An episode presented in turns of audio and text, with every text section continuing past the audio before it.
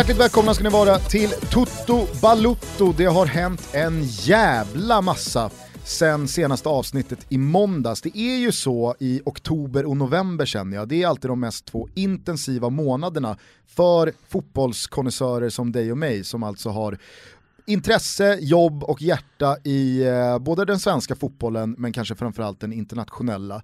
Eh, allsvenskan ska avgöras, eh, likaså superettan, det spelas Champions League, Europa League, det är VM-kval, det är ligor, det är kuppspel, det är väldigt många också lag vars konturer sätts den här tiden på året. Första månaden är alltid just första månaden. Eh, så att det är nu det verkligen visar sig vart lag står. Ja, så är det. Jag skrev om Tottenham här i veckan. Jag tycker verkligen att de har tagit kliv och fortsätter att utvecklas utan att egentligen då, som de andra engelska topplagen, har värvat speciellt mycket. Eh, där, där är det fortfarande liksom Pochettinos varma hand över laget eh, som gör att Tottenham utvecklas och att man dels då vinner över Borussia Dortmund och sedan följer upp det med att kryssa mot Eh, Real Madrid på Santiago Bernabéu, tycker jag, jag i alla fall, var någon slags examen för Tottenham. Tidigare så har man sett dem i Europa League, eh, de har slitit lite där, de har roterat med laget, ligan har varit viktigast, men, men nu, nu är man en verklighet, man är i toppen, man kommer att ta sig vidare från gruppen, det är jag helt övertygad om eh, i Champions League och spela åttondelsfinal eh, där helt plötsligt. Alltså, Tottenham har blivit någonting och jag tycker att det var väldigt starkt symboliskt att eh, man tog just den poängen på Santiago, Santiago Bernabéu. Jag tycker dock att vi ska ska börja i eh, rätt eh, ände. Det är ju nämligen så att eh, vi har fått ett eh, svenskt mästarlag i vår högsta serie. Malmö FF säkrade guldet, ett guld som alla visste skulle landa i den himmelsblå staden till slut. Nu gjorde det det efter eh, 3-1 borta mot Norrköping och man eh, får väl börja med bara att säga välförtjänt grattis. Ja, absolut. Eh, grattis jättemycket alla som är Malmö FF-supportrar som lyssnar eh, på den här podcasten. Vi vet att ni är många. Ehm, och sen så eh, är det inte, är det inte en liten så märklig känsla man har kring Malmö FFs skuld? Och kanske även då supportrarna. Det, det, det, det har, man har ju bara gått och väntat, det har ju inte varit en fråga om Malmö FF kommer vinna, utan när.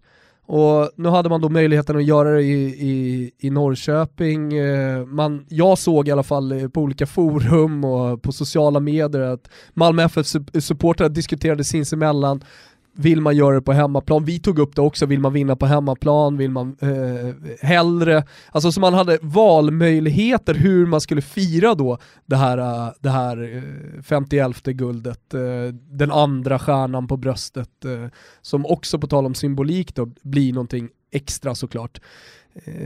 Men, nej men just därför, i och med att man har gått och väntat på det, så, så känner nog också antagonisterna eh, Göteborg eh, kanske framförallt, eh, men eh, storstadslagen också som eh, inte hyser varma känslor. Jävla eh, känga till Göteborg. Vadå? Göteborg och storstadslagen. Jaha, ja, nej jag menar huvudstadslagen. Kan det var de bara en felsägning. Kan de ha där nere? ja, det kan de ha. Nej men, nej, men att, att det, det gör inte så jävla mycket. Det, det, alla visste att Malmö skulle vinna och nu, nu gjorde de det.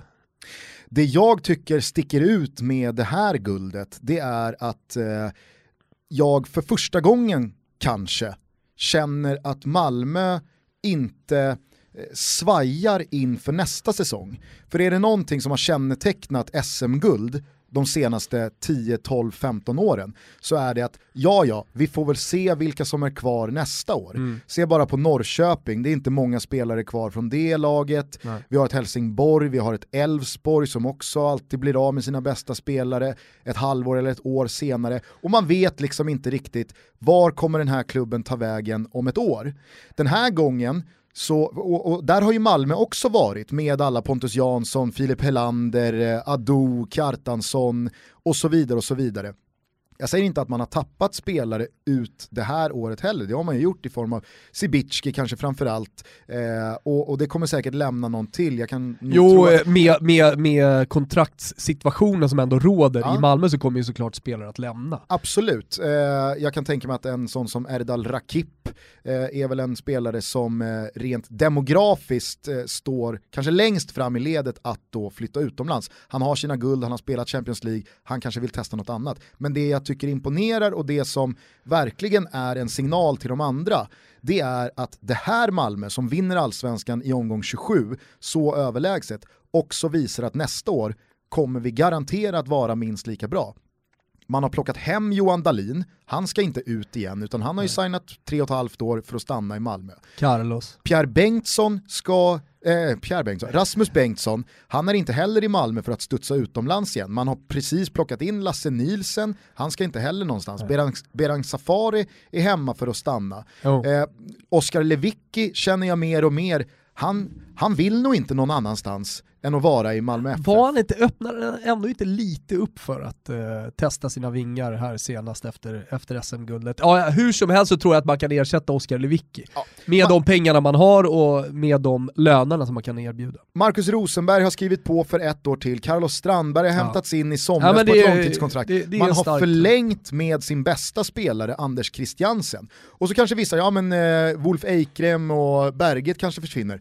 Ja, men Malmö har ju visat att man klarar sig ganska bra utan dem jo, den här men säsongen det jag, också. Det jag tycker att du landar i här någonstans, det, det, är ju att Malmö har hittat en stabil sportslig ledning som kan hantera spelarflyttar. Eh, de, de kan liksom värva in spelare som också förnyar Malmö och gör Malmö bättre. Inte bara som räddar från att oj shit, nu tappade vi två nyckelspelare. Ah, vad kan vi få in som nästan är lika bra som det har känts innan? Ja. Utan, utan det, det som känns med Malmö nu är att äh, men då stärker vi upp där, då tar vi in den här spelaren. Mm. Och, så, och så får man den här som jag tycker är jätteviktig hos toppklubbar, även ute i Europa om man pratar om de, de stora ligorna. Att man får den här naturliga rulliansen på spelare som behövs. För att, jag, jag tycker det verkligen, att, att eh, topplag behöver eh, fräschas upp. Det behöver hända saker för att man ska ha samma motivation och, och, för att utvecklingen ska gå framåt.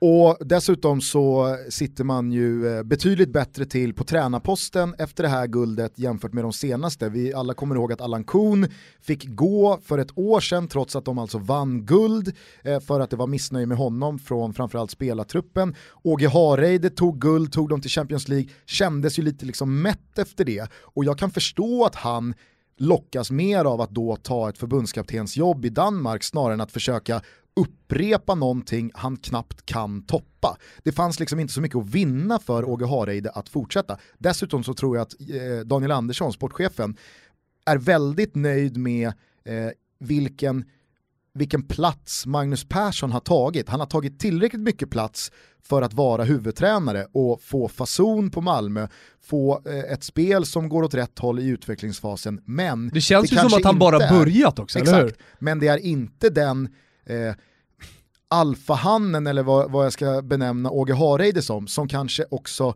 har en roll som är större än Daniel Andersson att han kan sätta press på honom gentemot sin tränarposition. Utan nu har man Magnus Persson, han har kommit in, han har gjort det bra, han verkar väldigt uppskattad av spelartruppen, av fansen. Han har blivit lite malmöitisk, kaxig eh, de senaste månaderna också. Så där tror jag också att det finns en, en, en, utvecklingspotential. Och dessutom så ska man ju säga att det är inte bara Malmö i den här fasen som har att vinna på att de ser ut att må väldigt bra truppbyggemässigt inför 2018. Det är ju dessutom så också att det ska ju finnas någon konkurrerande klubb som då ska spänna musklerna lika mycket. Ser man till den, den givna utmanaren de senaste åren så har det varit AIK. Ett lag som i princip alltid får börja på noll när eh, nyårsraketerna smäller av. För att det finns tre, fyra, fem spelare som har gjort det så pass bra under det gångna året att de försvinner. Och så sitter Björn Westström där och ska sätta massa eh, nyförvärv och det brukar oftast vara lite tveksamma frågeteckenspelare som kommer in utifrån. Man vet jo men sen har det varit det... klubbsituationer som dessutom då inte direkt har hjälpt till. Nej, Nej men alltså verkligen. Och, och eh, den, här, eh, den här gången så får man väl också väga in Östersund som verkligen löper risk att bli av kanske med eh, det, det, det, tyngsta tappet av alla, Graham Potter, det ryktas ju väldigt mycket om honom. Mm. Eh, där finns det spelare som, jag menar, ni, ni kan ju dem, Saman Ghoddos, ja. Kansema, Bachirou, Sotte och så vidare. Skulle de tappa två av de spelarna, ja men då är det klart att Östersund börjar eh, på minus jämfört med vart ja. man står idag inför nästa säsong också. Så att Nej, man... men jag, jag tror att just, de, just den grejen, att eh, Malmös dominans i år och att, och att de andra klubbarna vet att de kommer fortsätta att satsa på det här sättet, de blir, de blir rikare, de kommer erbjuda högre löner, gör att de spårar så jävla mycket att de också nästan tvingas till att, att uh, arbeta hårdare, förstår du vad jag menar? Alltså, AIK till exempel då, som du nämnde, ja, IFK Göteborg för all del, eh, ÖFK, Djurgården, alltså de, de, de känner ju att de kan inte tappa mer här nu. Så att, ja, den, sporr, den sporren tror jag, tror jag liksom gör att hela allsvenskan lyfts. Mm. Ja, men, och, och, alltså, så här, när Malmö tog steget in i Champions League var det 2014.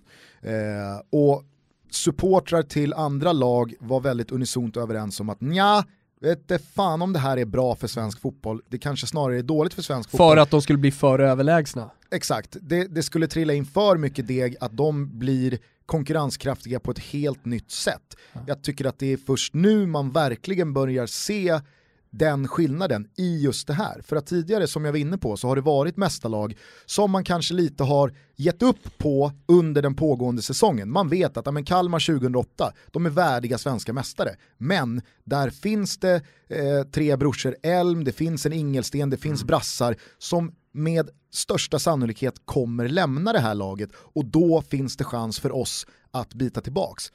Elfsborg har haft det likadant med alla sina tongivande spelare och det är det som är skillnaden nu.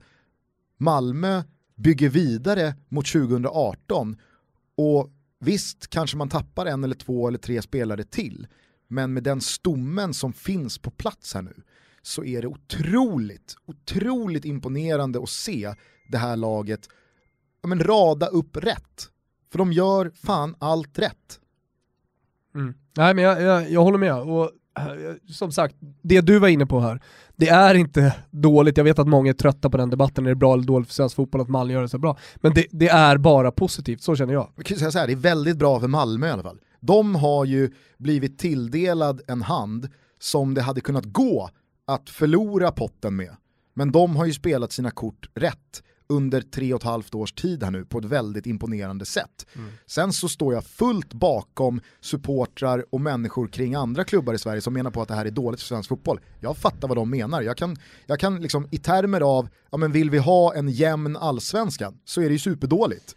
Eh, men eh, man, man, Nej, man, måste, jag tror man måste att, Jag tror att konkurrenterna kommer steppa upp, plus att det, det är inte så mycket pengar. Och de är inte så mycket skickligare på att hantera den situationen eh, som de befinner sig i eh, för att de ska bli så överlägsna som till exempel Rosenborg var under en tid. Ja, Jag, fast, fast, samtidigt så har vi ju sett Malmö göra två stycken saker den här säsongen i form av sportcheferi som jag inte kan minnas att vi har sett förut.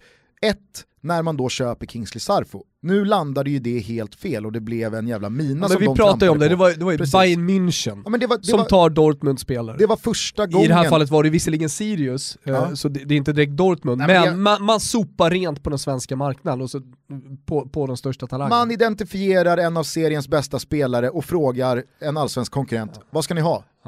10 miljoner, okej okay, här har ni 10 miljoner. Det har ju inte riktigt skett tidigare i allsvenskan. Och nummer två, man har seriens bästa spelare, eller i alla fall topp tre får väl alla enas då kring Anders Christiansen. Det är en spelare som, visst han är inte jätteung men han är heller inte 32 och inte ska ut igen. Han är född 1990, således är det klart att det hade funnits möjlighet för honom att lämna Sverige och ta sig ut i, i, i Europa. Men att i det läget, i, i, i det skedet de är, att kunna presentera en femårs förlängning med Anders Christiansen är också en ny nivå mm. från en svensk klubb. Ja, och det är sådana jävla muskelflexningar från MFF att jag, jag, det är bara att lägga sig platt här. Mm. Det, är, det är imponerande att se hur många rätt de gör. Men jag tror hur som helst inte att de bara kommer dra ifrån och vinna på det här sättet som man gör i år även fortsättningsvis. Nej. Det är en era, absolut, som kommer vara, som kommer vara rik på titlar. Ja. Men jag tror inte att den kommer vara så överlägsen. Jag, eh, alltså, jag förstår vad du menar och jag tror att en viktig grej man ska väga in det är ju att Malmös säsonger poängmässigt i den allsvenska tabellen kommer definieras i framtiden väldigt mycket av hur det går för dem i Europaspelet. Mm. Den här gången åker man ut så pass tidigt i Champions League-kvalet att det bara fanns allsvenskan att koncentrera sig på och då slutar det med att man säkrar guldet med tre omgångar kvar. Skulle man, ponera här nu, ta sig in i Champions League ytterligare en gång nästa säsong, ja men självklart så finns det inte den kvaliteten på bredden i Malmö att man då bara borstar av allsvenskan parallellt med ett gruppspel i Champions League. Så där finns det ju absolut en, en, en, en fallgrop att gå i. Eh, men det är ändå eh, en, eh, en jävla prognos på Malmö FF som är positiv för alla himmelsblå. Lite mer dyster för de andra. Mm. Eh, kort bara från guldfirandet.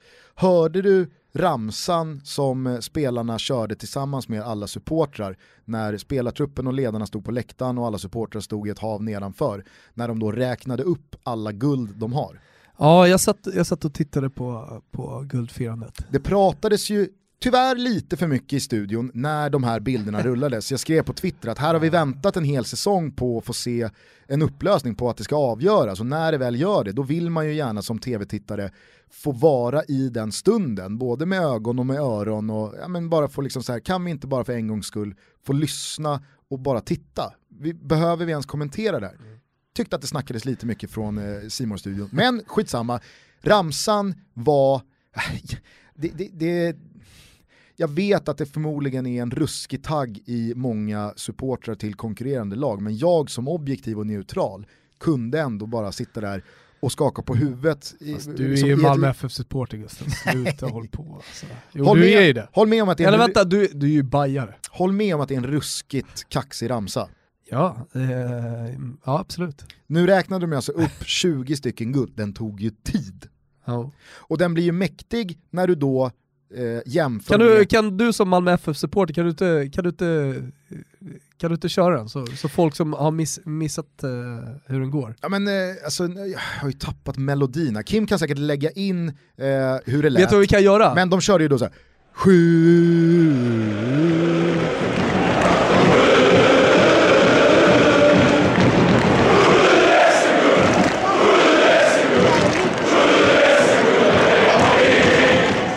Och sen så då, när, alltså det var typ som såhär, hur göra? många elefanter balanserade. Och sen så räknade de då hela vägen upp till 20. Eh, jämför man då till exempel så men, Vi ska ringa upp Ponne, han ska få sjunga det. Ja, det, det, det, det, det är en bra idé. Eh, stort jävla grattis till Malmö FF tycker jag. Eh, det är på sin plats att bara ta av sig hatten och eh, slå fast att de är Sveriges bästa lag. Och Sveriges bästa lag på att vinna matcher. Vidare då, eh, den här veckan för att eh, på tisdag förmiddagen så såg vi Fernando Hierro dra bollarna i, eh, det var Zürich I den gruset. här gången. Ja men det var Zürich den här gången, det var inte Nyon. Det var Zürich den här gången, exakt. Ja. Eh, kort bara, Fernando Hierro ska påminnas om. Det är fortfarande helt surrealistiskt att försöka ta in att Hierro en säsong i Real Madrid gjorde 21 mål i La Liga. Ja då alltså som back, som defensiv back. mittfältare. Ja. Eh, det, det, ska man alltid eh, påminna om. Kul också att Disco bjöd på den lilla nuggeten, alltså Daniel Kristoffersson, reporter på Expressen, twittrade ut att Fernando Hierro laddade upp inför lottningen med att dra två snabba sig utanför högkvarteret i Zürich. Piggar också upp. Ja, han har ruggig sig-aura. Mm. Eh, det blev ju som givetvis ingen har missat, Sverige-Italien. Vad kände du när eh, det stod klart att det kommer bli eh, gul och gul och mot mm. Eh, Liazzurri? Ja, men inför lottningen, jag stod i Expressens studio och så frågade programledaren Gadden, ja men är ni nervösa nu? Då hade, kände jag absolut ingenting. Men sen när lottningen började, jag ska inte säga att det var nervositet, men det var känslosamt. I och med, som alla vet om, att jag har eh, spenderat en stor del av min, eh, mitt vuxna liv i Italien eh, och att jag har väldigt mycket vänner där, jag har kollegor där.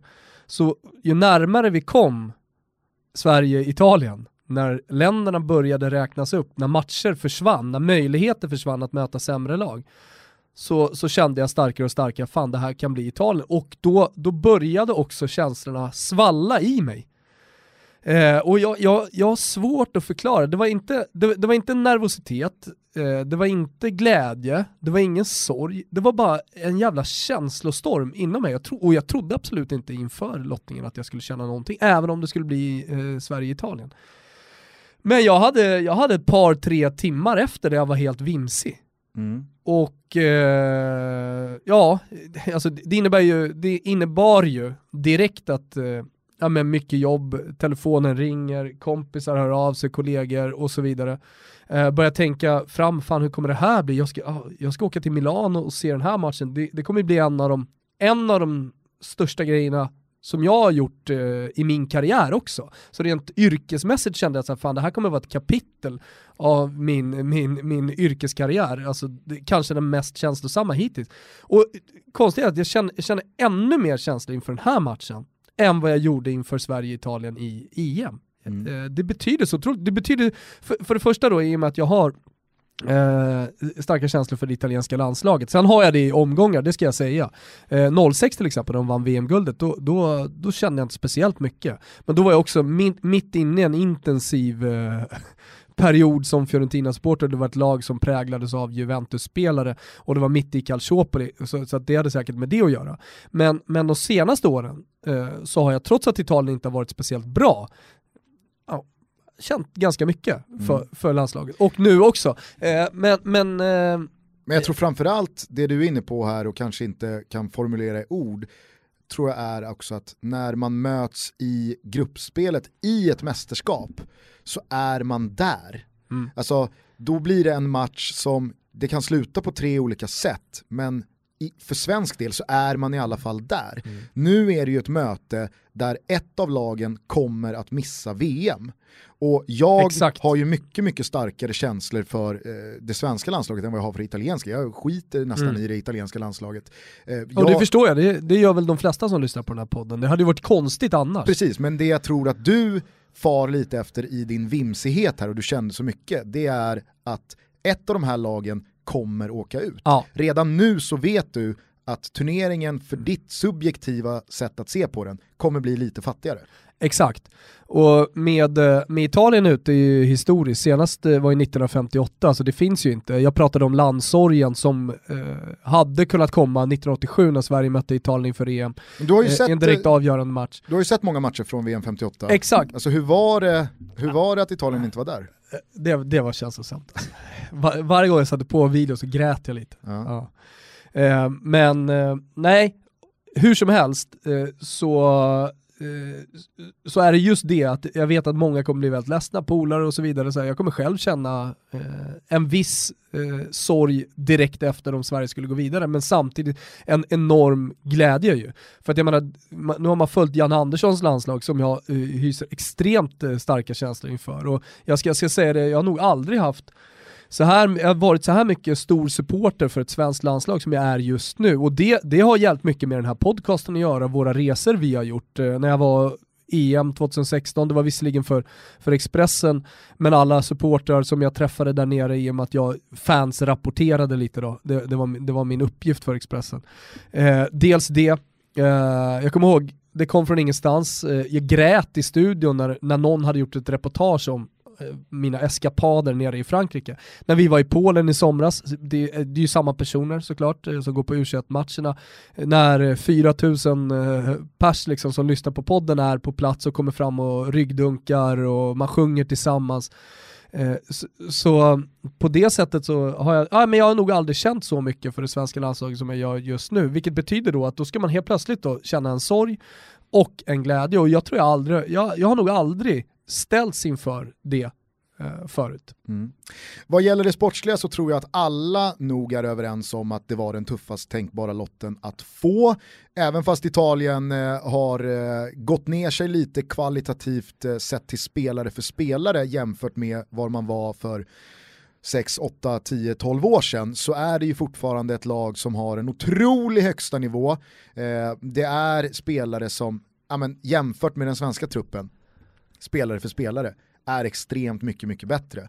Eh, men när den här lotten kom så kände jag ändå så här, Nu finns det, det finns en, det finns en taktik här. Det finns en matchplan som jag verkligen hoppas, jag tror inte att Janne kommer applicera den, men jag hoppas verkligen att Janne tänker som jag gör. För att jag ser bara en enda rimlig chans för Sverige att gå vidare från det här dubbelmötet. För då, förbundskapten Gusten Dahlin. Ja, men ska Sverige gå vidare från 180 minuter mot Italien, då behöver du leda med två mål efter första matchen. Du behöver leda med två mål från hemmama hemmamötet för att på så sätt kunna åka till San Siro och lägga dig på defensiven för att rida ut stormen.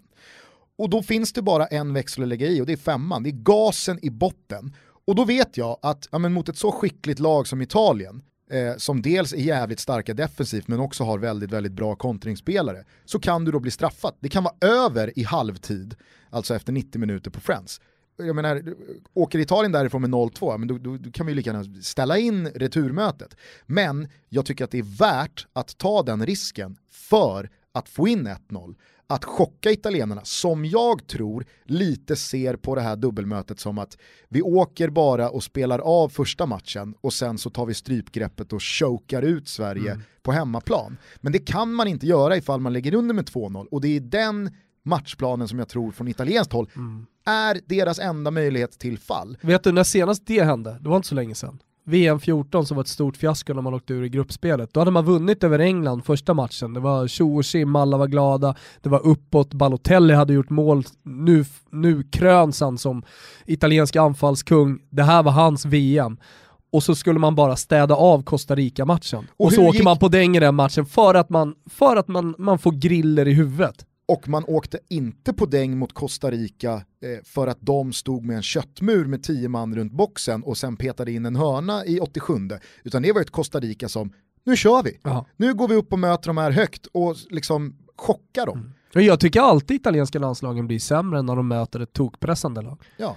Och, och, jag menar, så här, eh, tittar man på Italiens resultatrad från dels det här kvalet men andra eh, kval också, det är väldigt mycket 1-0 mot Malta, det är 2-1 mot Albanien, det är 1-0 mot Makedonien. Ja, men det är för att de, de lagen ställer ju tio man runt sitt straffområde, håller ner siffrorna och Italien har aldrig varit ett lag, kommer inte vara ett lag mot Sverige heller, som efter 1-0 eller kanske 2-0 trycker på och går för trean. Men det hade, hade inte varit jävligt fint om du eh, som har kontakter in i landslaget och kuppar in den här taktiken. Så här, oavsett vad Janne säger, om Lustig och Albin och de som lyssnar på det här, om de, om de gillar det här lilla brandtalet som du håller, alltså att du kuppar in, så oavsett vad Janne säger inför, så får de in det i övriga spelare också, att, uh, att vi, vi skiter i det här, vi kör nu bara. Jag tycker att uh, den bästa landskampen Sverige har gjort på flera, flera år, och framförallt då under Janne, det är Frankrike borta. Borta, borta mot Frankrike, exakt.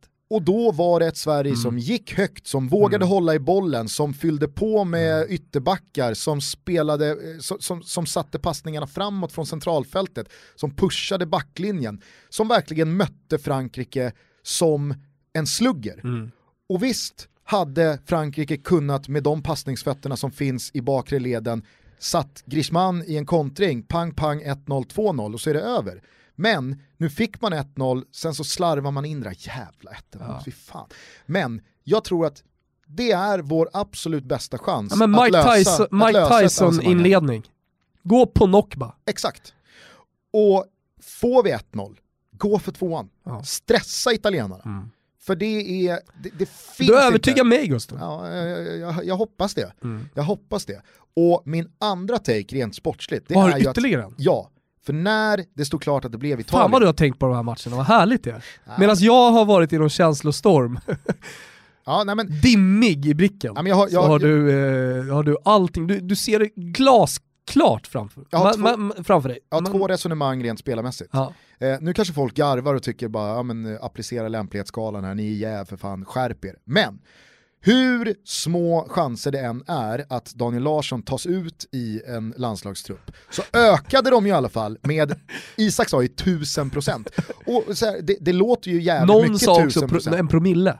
Ja, men det är ju fel för att alltså, i procentsats mm. då handlar det ju inte om hur troligt eller inte det är, utan där handlar det om, ja men ökade de? Och går du från 1% till 5% ja, men skit i procenten så, så har du ju ökat liksom 500%. Ja, jag, jag fattar. Eh, jag, jag, alltså jag ser ju framför mig att vi kanske löser en helg då. Alltså vi kanske löser en helg då. Vi får med oss 2-0 från första mötet, Flash finns med i truppen. Italien gör 1-0 på San Siro, vi står emot. Danne hoppar in i 72 och sen så kommer långbollen från granen. Han rinner ifrån och punkterar till 3-1. Löfven, utlys Löfven utlyser en helg då på stående jävla fot. Det låter ju som att du har snackat med Danne, har det funnit, finns det något konkret här eller? Nej, inte konkret, men jag tror att han också vet om det här. Alltså hösten Akisara gjort, att han är inne i mm. startelvan här nu. Målet han gör mot Vil Trabzonspor, ja. det kan låta pajigt alltså, men han finns på Jannes radar. Vil han finns vilka chockinkallningar eh, har Janne gjort under det här året? Alltså jämför då en eh, eventuell kallelse för Danne med någonting annat. Alltså skulle det här, alltså hur rimligt är det?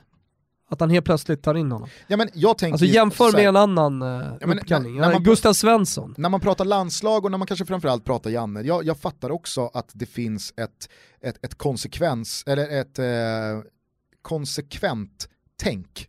Att man då eh, alltid, ja men det finns lite blood in blood out, är du med, ja men då går du före alla de som inte är med. Oh, ja.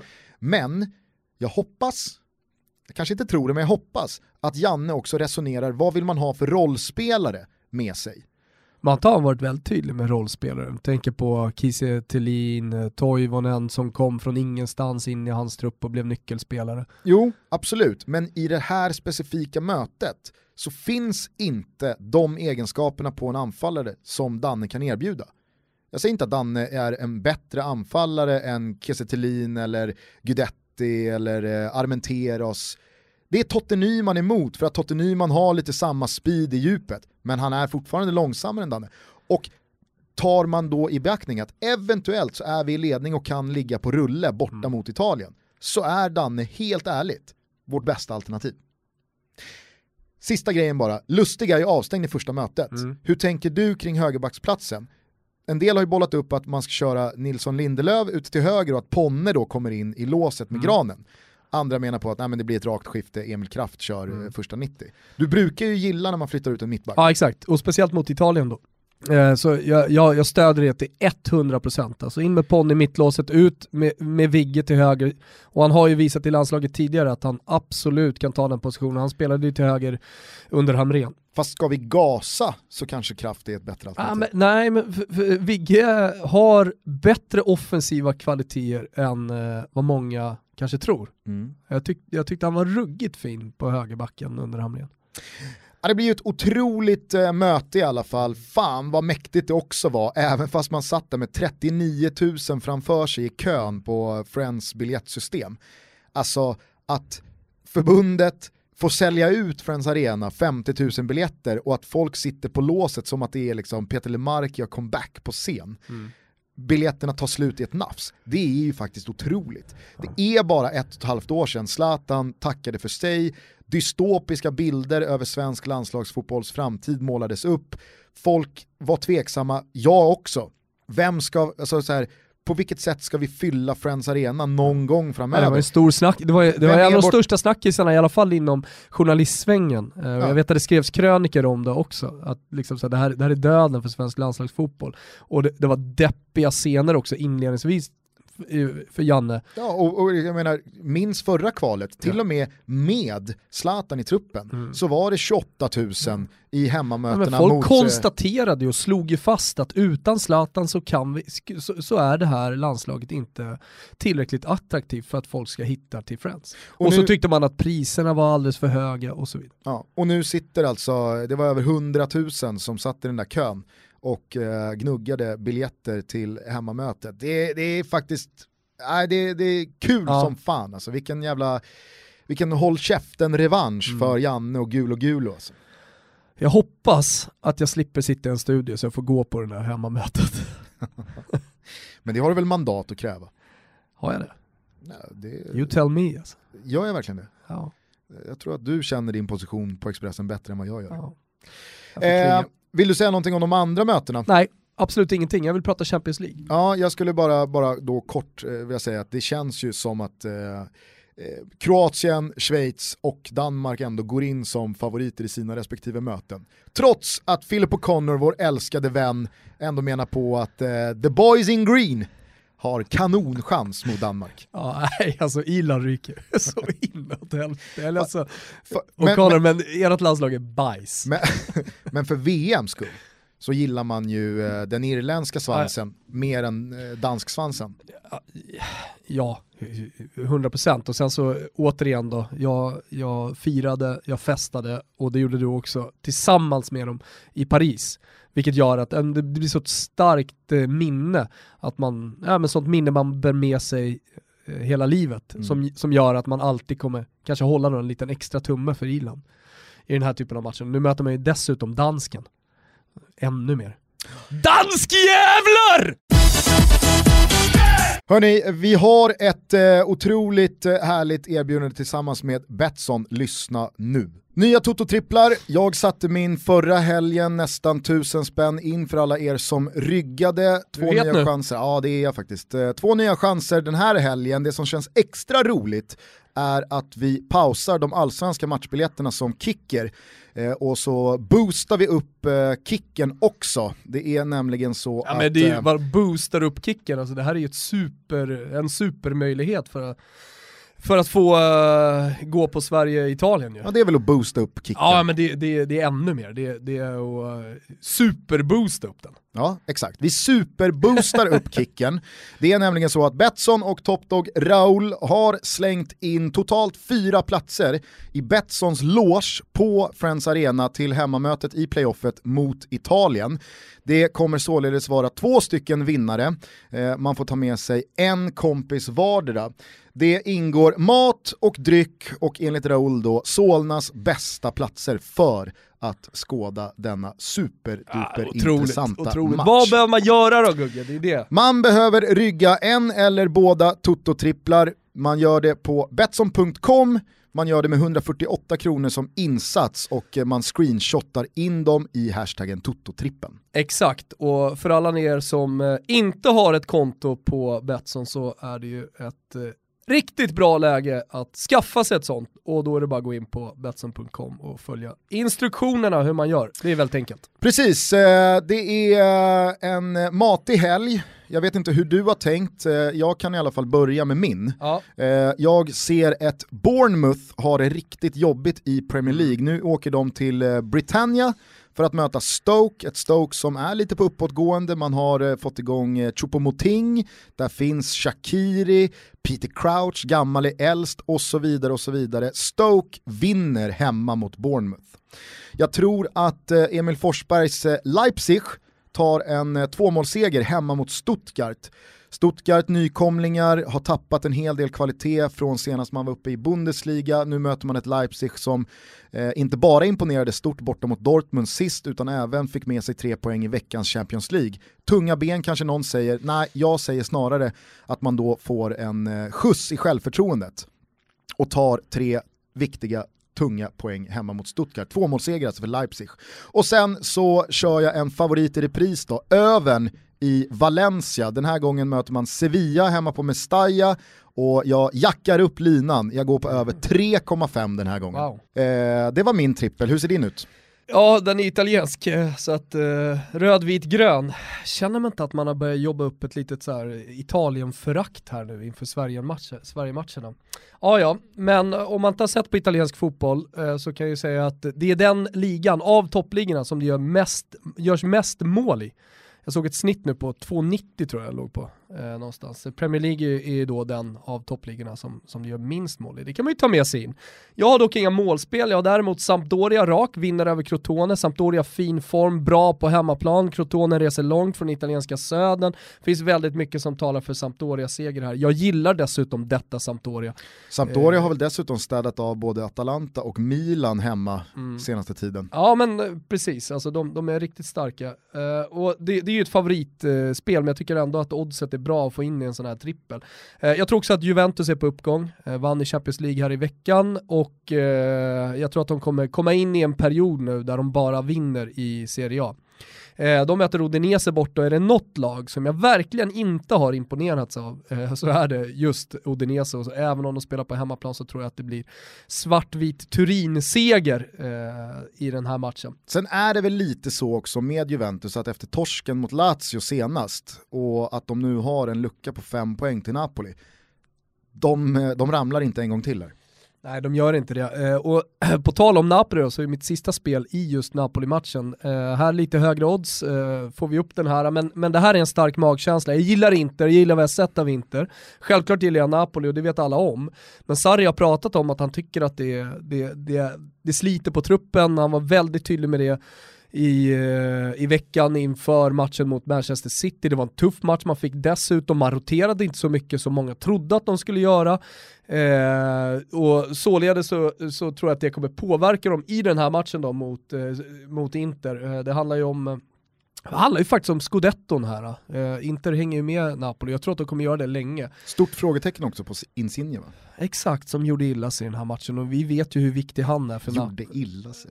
men, jo men eh, alltså han är ju han är inte, det, det handlar inte om någon knäskada som kommer hålla honom borta under en lång tid. Nej det lät bara gulligt. När sa, han gjorde illa sig istället för att skada sig. Ja, men med, med, vissa spelare, kanske just då också Insigne, så känner man han är lite gullig, man vill klappa honom genom en klubba och pussa honom på kinden sådär. Eh, han kommer, han kommer snart tillbaka, men kanske inte till den här matchen. Eh, där har du ytterligare en faktor, bra Gugge. Eh, jag tror i alla fall att Inter tar med sig en poäng här eh, och spelar kryss 2 Inter. Mm. Mm. Återigen då, mat, dryck och matchbiljetter för två stycken vinnare. Man får ta med sig en stycken eh, polare eh, och alltså befinna sig i Betssons loge på Friends Arena när Jan Anderssons gul och gul och välkomnar Lietsuri till det första mötet i playoffet. 10 november är det som gäller för den matchen. Betsson.com, eh, godbitar, boostad odds, 148 kronor insats, eh, screenshotta och hashtagga in det i hashtaggen TOTOTrippeln. Ciao Hallå? Ponny! Tjena. Tjena! Ponny! Ponny, läget? Du, grattis till SM-guldet då. Ja, tack så mycket. Vi såg att du följde allting via någon slags Facetime-samtal. Ja, ja det var jävligt kul. Eh, jag hade några polare på, eller, på besök, polare på plats. Eh, som ringde upp i slutet av matchen när de var på väg och springa in. Så det var, ja, det var kul. Du, eh, jag och Gusten satt och pratade lite om den här ramsan, jag vet inte om du var med under Facetime-samtalet då, som gungade eh, på Östgötaporten.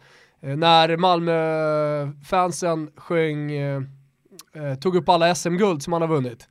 Ja. Var du med i den ramsan eller? Vi kommer inte riktigt ihåg hur den gick. Ja, nej men den, den, den har jag sjungit förr, den, den har sjungit sen min tid. Man börjar ju på ett och sen så går man upp till, till ja, så många SM-guld som, som klubben då har. Men hur den går då? Kan du inte dra? För vi, vi har den liksom på tungan. Melodin är, melodin är mästaren från Malmö. Han i, i den melodin och så börjar du på e, e, e, Så går det hela vägen upp till 20. Så är det. Sju. hur, hur leker livet annars? Jo, det rullar på bra del. Nu har vi haft några tuffare matcher. Uh, vi har inte vunnit på, på ett tag. Och, och hösten har börjat komma hit med regn och rusk varje dag. Så på så sätt så är det lite tråkigt. Men uh, den här ligan är lång och det är bara gneta på. Alltså. Du, jag har en, eh, jag har en fråga här på nu. Det är ju inte speciellt många negativa eller skeptiska ord som har yttrats kring dig sedan du kom till Leeds. Men jag kom över, om det var någon krönikör eller vad det var, eh, någon som skrev någonting som började snurra lite om att eh, alltså, eh, han riktade sig mot dig och sa att nu när det går lite trögt, det är då riktiga ledare måste stå upp. Pontus Jansson, han är jävligt bra på att flörta med fansen när det går bra, men nu när det går lite tyngre, var är Pontus då? Nåddes du av det där också? Ja, nej, jag såg också det. Nej, men alltså det är klart så är det ju. Eh, men alltså som sagt, alltså, jag är rätt beroende av att laget ska funka och funkar inte laget, det är klart det är svårt att dra på egen hand. Men absolut, som sagt, klart vi ska kunna gå i fronten och, och, och ta initiativ och, och höja laget. Men alltså, det tog som sagt varit mycket matcher och mycket resor som det tar på kroppen och jag känner mig själv, jag har inte varit 100% i form än. Mitt enda fokus nu har varit på, på mig själv och, och hitta formen för egen del. När jag väl har hittat den så är det lättare att hjälpa laget också. Men alltså jag köper absolut det han säger. Det, det kommer. Ja, nej, för att vi hade ju lustiga för eh, två veckor sedan och så pratade vi om just det där med att publikfavoriterna, i det, i, i det fallet Lee Griffiths i, i Celtic, att han gärna, han gärna flörtar med supporterna som fan och pissar på Rangers och, och, och blir den galjonsfiguren som får leva ut supportrarnas eh, känslor.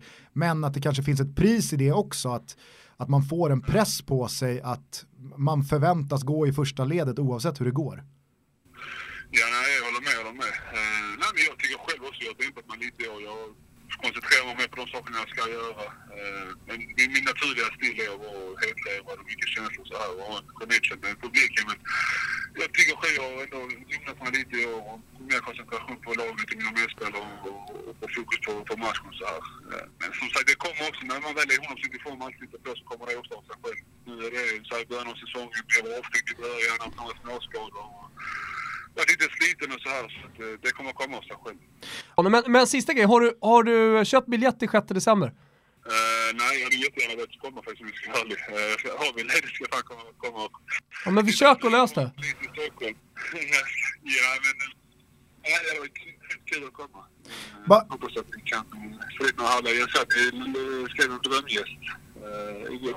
Kul att några, några kul gäster. Ja, verkligen. Du, innan vi släpper dig bara kort, eh, vad kände du när eh, Jerro drog fram Italien som motståndare i playoffet och Ventura på andra sidan? Uh, nej, jävligt kul att möta Ventura och några gamla lagkompisar, träffa dem igen. Uh, min gamla staff från Torino är, är med Ventura där, så det är ett par personer som man får träffa igen. Och det ska bli jävligt kul, men på ett sätt är det klart tråkigt att få enligt mig den tuffaste låten. Men allt är möjligt, ett dubbelmöte, så allt, allt kan hända.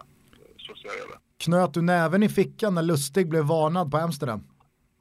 nej, tack. På landets bästa och jag stod under vilka ska spela, så att, lite tråkigt var det. Ja, för vi, vi tänker ju Vigge till höger och du in bredvid granen centralt.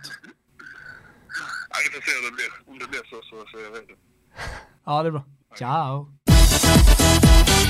Ska vi börja då med, med Tottenham? Du såg matchen också borta mot Real Madrid. Tycker du, som några på Twitter, att jag eh, övervärderar Tottenham efter den här säsongsinledningen? Tycker du att, eh, som många, att eh, man ska vara lite försiktig med att eh, helt plötsligt bolla upp Tottenham som, som ett storlag i de här sammanhangen? Alltså, den beteckningen eller benämningen Ja, men av ett sorry. lag skiter jag fullständigt i. jo, Jaha. jo, jo. Är det här ett Men- storlag eller Nej inte? men, eh, nej, men så här, sig? var det här en tillfäll, var det här, var det en, eh, en, en, är det här en, tillfällig formtopp? Är Tottenham just nu extra bra? Alltså bättre än man kanske egentligen kommer vara? Eh, har man en alldeles för låg lägstanivå för att kunna ligga här även fortsättningsvis? För jag menar så här, någonstans så är det ju, är, det ju en engelsk eh, succéinledning på Champions League och det, det, har ju alla konstaterat och det har krönikerats om det och, och alla, alla skriver det på sociala medier och så vidare. Eh, Manchester United går superbra, City eh, slaktar rent, eh, Liverpool går bra och eh, även då Tottenham. Och Tottenham ham- hamnade i en svår grupp. Jag såg i alla fall inte riktigt dem ligga så här högt, eh, så här långt fram och ha de här fördelarna inför de tre återstående matcherna.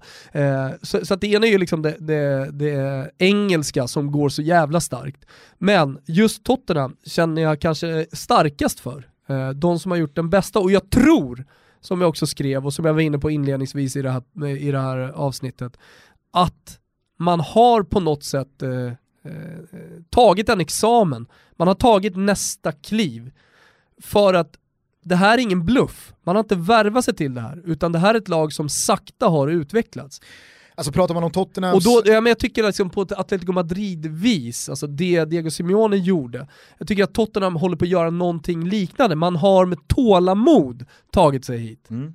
Ja, men det, det jag skulle säga om eh, Tottenham och är de ett storlag eller inte, om man Ja, nu men lägger glöm någon den värdering- Nej, men- benämningen. Nej, men för Jag där, tycker också den är lökig. Ja, nej men, eh, i, i, på det temat så tycker jag att det, det, det mest intressanta kring Spurs är ju att skillnaden på Tottenham och lagen som alltid benämns som de största lagen, det är att Tottenham fortfarande sliter lite för ofta med att städa av bottenlagen. Liverpool har ju fått klä väldigt mycket skott för det senaste tiden, men det som gör Juventus till Juventus, det som gör Barca och Real till Barca och Real, det som gör Bayern München till Bayern München, det som gör Manchester United eh, och Ah, Manchester eh, City till visst. de lagen, det är att de fuckar inte upp eh, hemma mot eh, laget som ligger Nej. på 17 plats. Sen så finns det en högsta nivå i Tottenham som absolut mäter sig med de här lagen. Det har vi ju eh, inte minst sett då i det här eh, gruppspelet i Champions League. Men det jag tycker att Tottenham verkligen imponerar med och har visat här nu för alla, du säger att det är en examen, ja kanske är det så, det är ju att de har målvakten på plats. Med deras dyraste nyförvärv genom tiderna, Davinson Sanchez som kom in från Ajax, så har ju de fått en alltså, otrolig palett i sitt försvarsspel. Mm. De kan spela fyrback, de kan spela treback, de kan spela femback. Han kan spela på en ytterbacksposition, han kan spela mittback. Alltså, och med de spelarna som redan fanns på plats, alltså Fertongen, Aldevereld, med, med blocket de har framför sig så är de ju otroligt defensivt starka. Och där framme har man en av världens otvivelaktigen bästa anfallare. Eh, där finns Christian Eriksen som vi får väl se nu om man har tagit ett steg för att stanna kvar på den nivån eller om det är någon slags För mig har han gjort det. Ja, det är jag absolut benägen till att eh, hålla med om. Där finns Dele Alli, man visar också eh, prov på fingertoppskänsla att nej, Vincent Jansen var inte bra nog. Bort med dig, in Mm. med Fernando Llorente som i många, många år har bevisat sig både i europeiskt kuppspel men också i Premier League. Det är ett fullgott alternativ till att i vissa matcher ersätta Kane, i vissa matcher spela bredvid honom som han gjorde sist. Så att där finns ju en, en, det finns ju en, eh, en färdig trupp rent kvalitativt. Men det jag måste säga är mest imponerande, det är ju Pochettino. Som hela tiden tar det här laget från liksom, en punkt till nästa och det bara går uppåt, uppåt. Ja, men det är det jag menar. Jag frågade när jag såg det, eh, de, den uppställningen han ställde upp med här nu borta mot eh, Real Madrid, Mm. så skrev jag på Twitter innan matchen, nu kommer vi få, alltså är, är det här en dåre eller är det ett geni? Mm. För att gå och möta det Real Madrid med det laget i den formationen. Han kommer behöva offra kanterna eller centralt, så till han spelar. Han ställer upp med Winks. Ja. Och Eric Dyer mot Modric, Casemiro och Toni Kroos. Mm. Och han håller stången, visst, Benzema kan ju Jo, göra men så 2-1 är så det. kanske den där matchen slutar Och det 3 finns marginaler. Men Tottenham kan ju lika gärna peta in 2-1 sista kvarten också.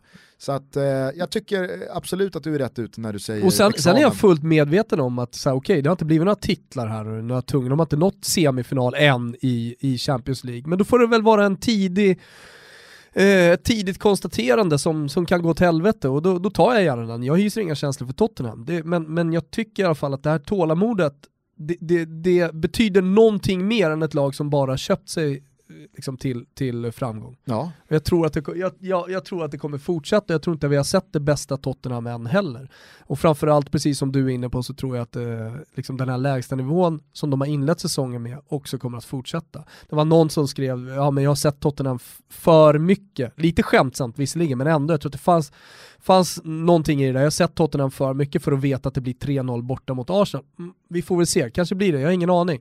Men, men, men jag tror inte det. Nej. Utan jag, jag, jag, jag tror att här, även om man spelar i Champions League, även om man eh, måste dubbla och Arsenal eh, kan, kan vila på veckorna så tror jag att eh, de kan hantera det. De har kommit så långt. Mm. Ja, och, och jag tror heller inte att man ska underskatta att Tottenham som klubb också har lämnat den position man var i för eh, fem år sedan och börjat gå vidare mot att bli en större klubb. Nya White Hart Lane eh, är snart färdigbyggd. Eh, man visar dessutom gentemot alla andra att nej, men Harry Kane ska ingenstans. Nej. Alltså, han både vill och ska vara kvar i Tottenham. De har Frankrikes eh, landslagskapten i mål. De har eh, belgiskt eh, mittbackspar. Juris, Eh, eh, de juris har match. Christian Eriksen ska ingenstans heller. Dele Alli är en av Englands bästa spelare. Han är, alltså, han, han är inte på väg bort från Tottenham. Så att de visar ju med hela sin strategi från ledningshåll och klubbhåll att de, är, de, de växer och de, de verkar fylla kostymen. Nej, jag, jag, jag håller helt, helt klart med. Annars så tycker jag att det är ett, ett av de starkaste eh, ögonblicken i, alltså, som också blev så här symboliskt på något sätt för den här Champions League-omgången, var ju när Benficas unge 18-årige målvakt efter bara några minuter var, och, och nickade bort en boll utanför straffområdet.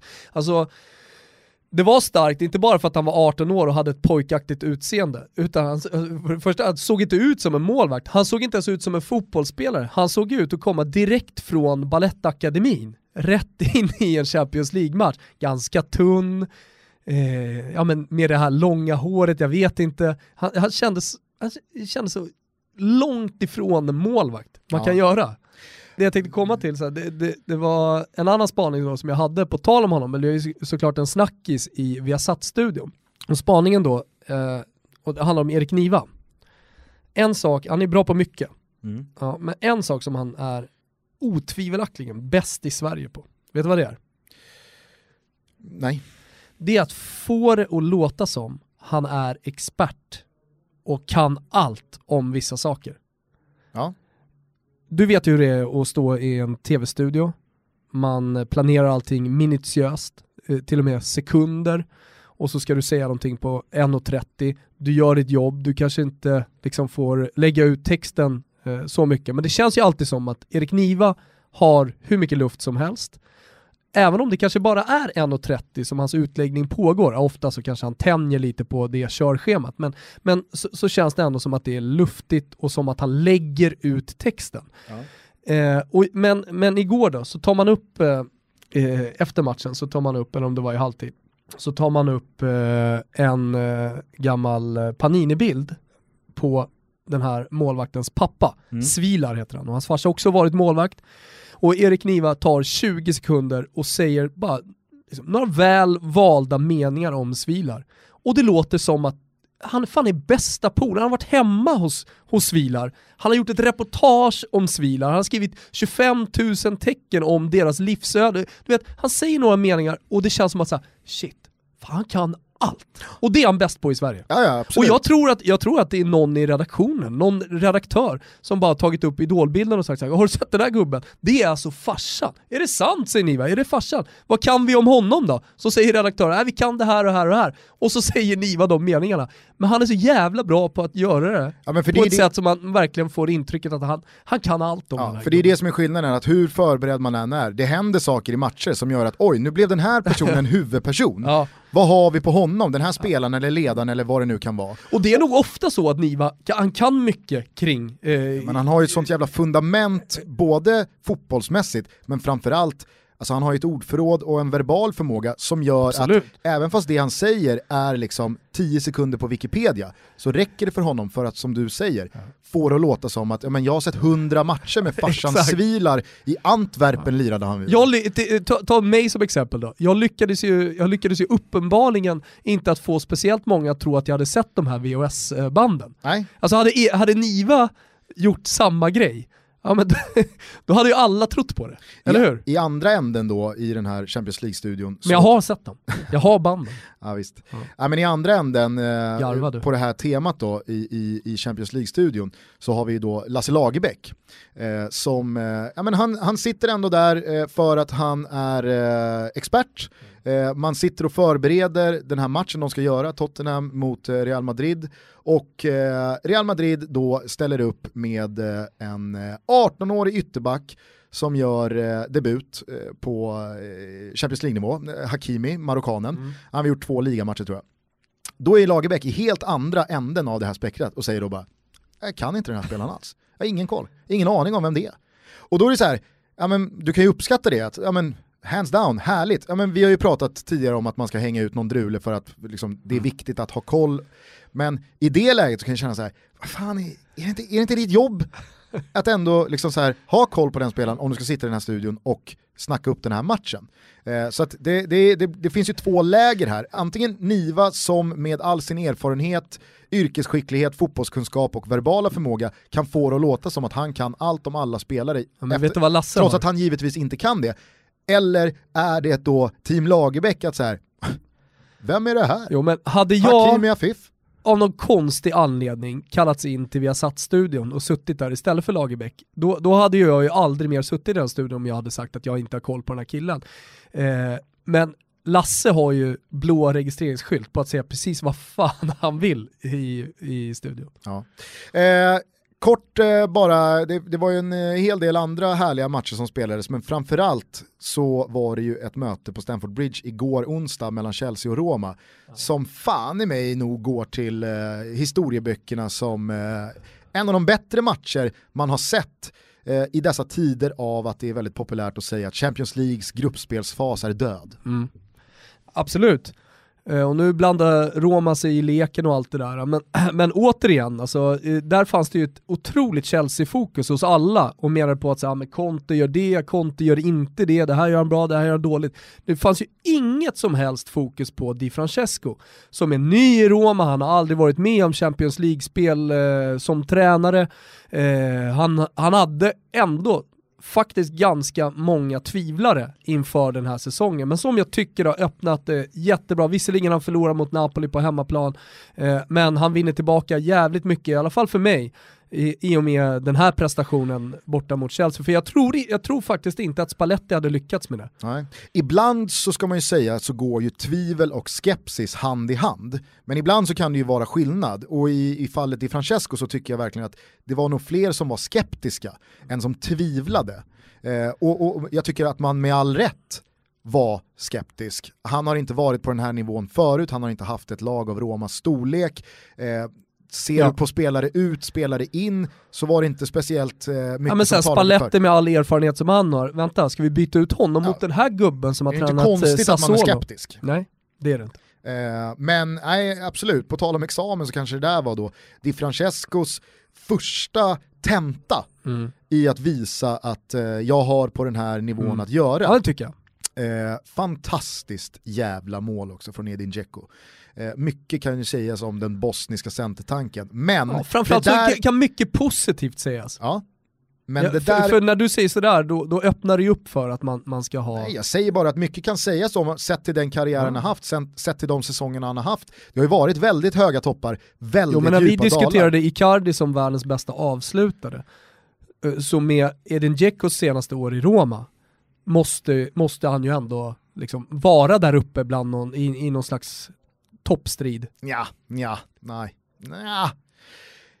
Jag, hade, jag, jag, hade i alla fall en väldigt snygg sägning som du då klev in och förstörde. Ah, okay. jag, jag, skulle säga så här, mycket går att säga om Edin Dzeko, men jag tycker att det där målet ska få tala för sig själv.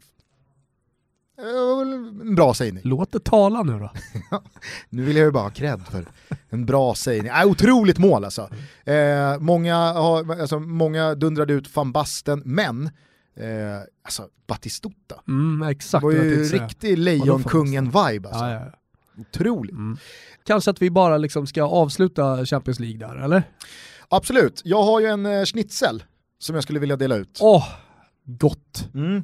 Eh, Fan, göra schnitzel i helgen. Den har ingenting med fotboll att göra, men det var liksom så här, det träffade mig för starkt i bröstet mm. för att eh, inte vilja ta upp den här mm. i Toto Balutto. Vi har ju haft några schnitzlar, jag kommer ihåg att du drog upp någon gammal ryttare eh, i, i förra årets OS som fick en tidig schnitzel. Sen har det ju varit väldigt mycket fotboll och det ska det vara i en podd som är Toto Balutto. Vi, vi, vi skiter lite i, i det övriga som händer eh, i världen, både positivt och negativt. Är det inte fotboll så är det inte fotboll. Eh, men den här är för fan i mig bra för att eh, förbise. Alltså jag har inget problem att prata annan sport. Jag gillar det. Jag ska på tennis efter det här, Stockholm Open. Ja.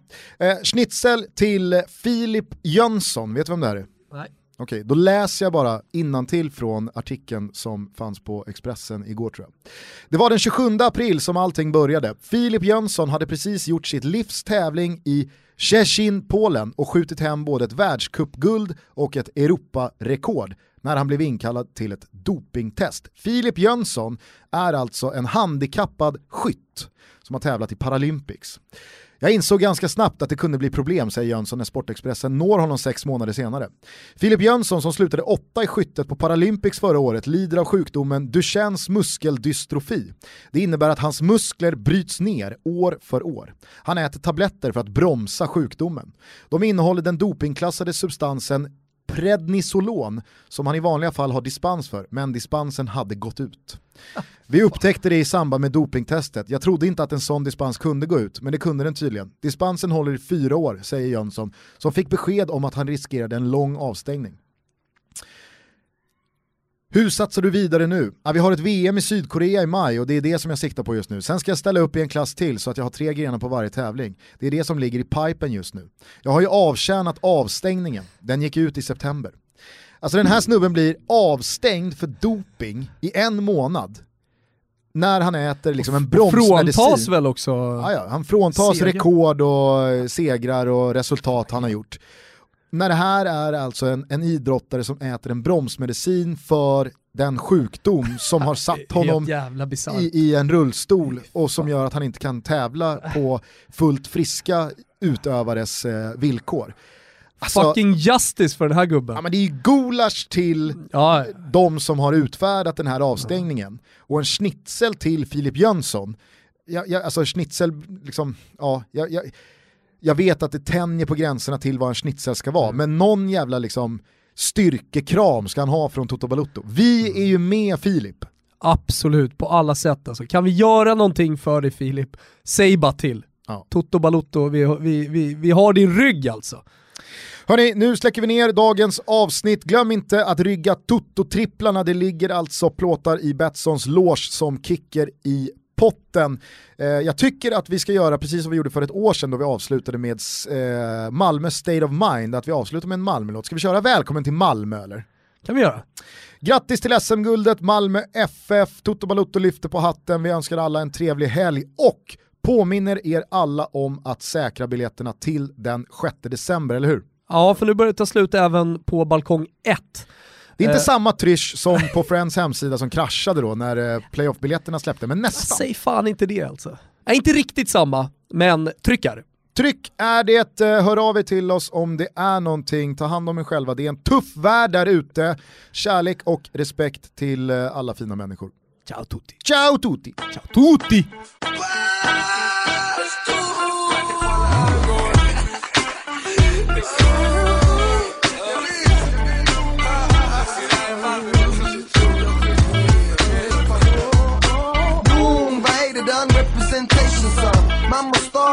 Stad, jag visste var jag är ifrån Där jag bor, inte som du tror min bror Exakt som min fuse, stolt över min bror Jag bil, jag rullar från Caroli City. Elpixad, helkicksad, kör i 190 Ey, du har kor där efter dig Skiter helfjutad, jag kör ifrån snutar. Om jag krockar, jag kutar. Som ni vet, här finns föräldralösa barn. Detta gått i blatta som härjar ner i stan. Och inget mer att tillägga, det är dags att vända svar Fuck alla som flyttar från Malmö stad. Vi rullar på RN varje dag. Här i söder, oj vad vi är bra. Ingen annanstans släpper de loss om oss varje dag. Är vi Malmö? Töserna och plågarna Välkommen till Malmö Vi har det bra, så ska det vara Välkommen till Malmö Vi har det ni behöver, avleta över Vi kommer från Malmö säger vi säger vi släpper oss varje dag Malmö? stan En veteran old school som Kockums strand. Den här dagen sitter jag på busselvan Hoppar av i stan för att flytta mig ner till mellan Är sällan jag rör mig, Juan han stortrivs Mortasa Yahi handlas på mira Livs Thieves, vi sneaking around too Tro vad du tror, korta små flickor med buffalo-skor. Vi har stora parabol i varje balkong Och vi har en brottslista som är ganska lång. Och vi har det närmaste ni kan kalla för strand. Så vi drar på 20 minuter till Köpenhamn. Då hand i öga för öga, tand för tand. Hand Gente todo el mundo, man för varje land. Så när du kommer håll hårt i plånboken Juan han repar apen, mannen så checka hooken Töserna och plågarna Välkommen till Malmö. Vi har det bra, så ska det vara. Välkommen till Malmö.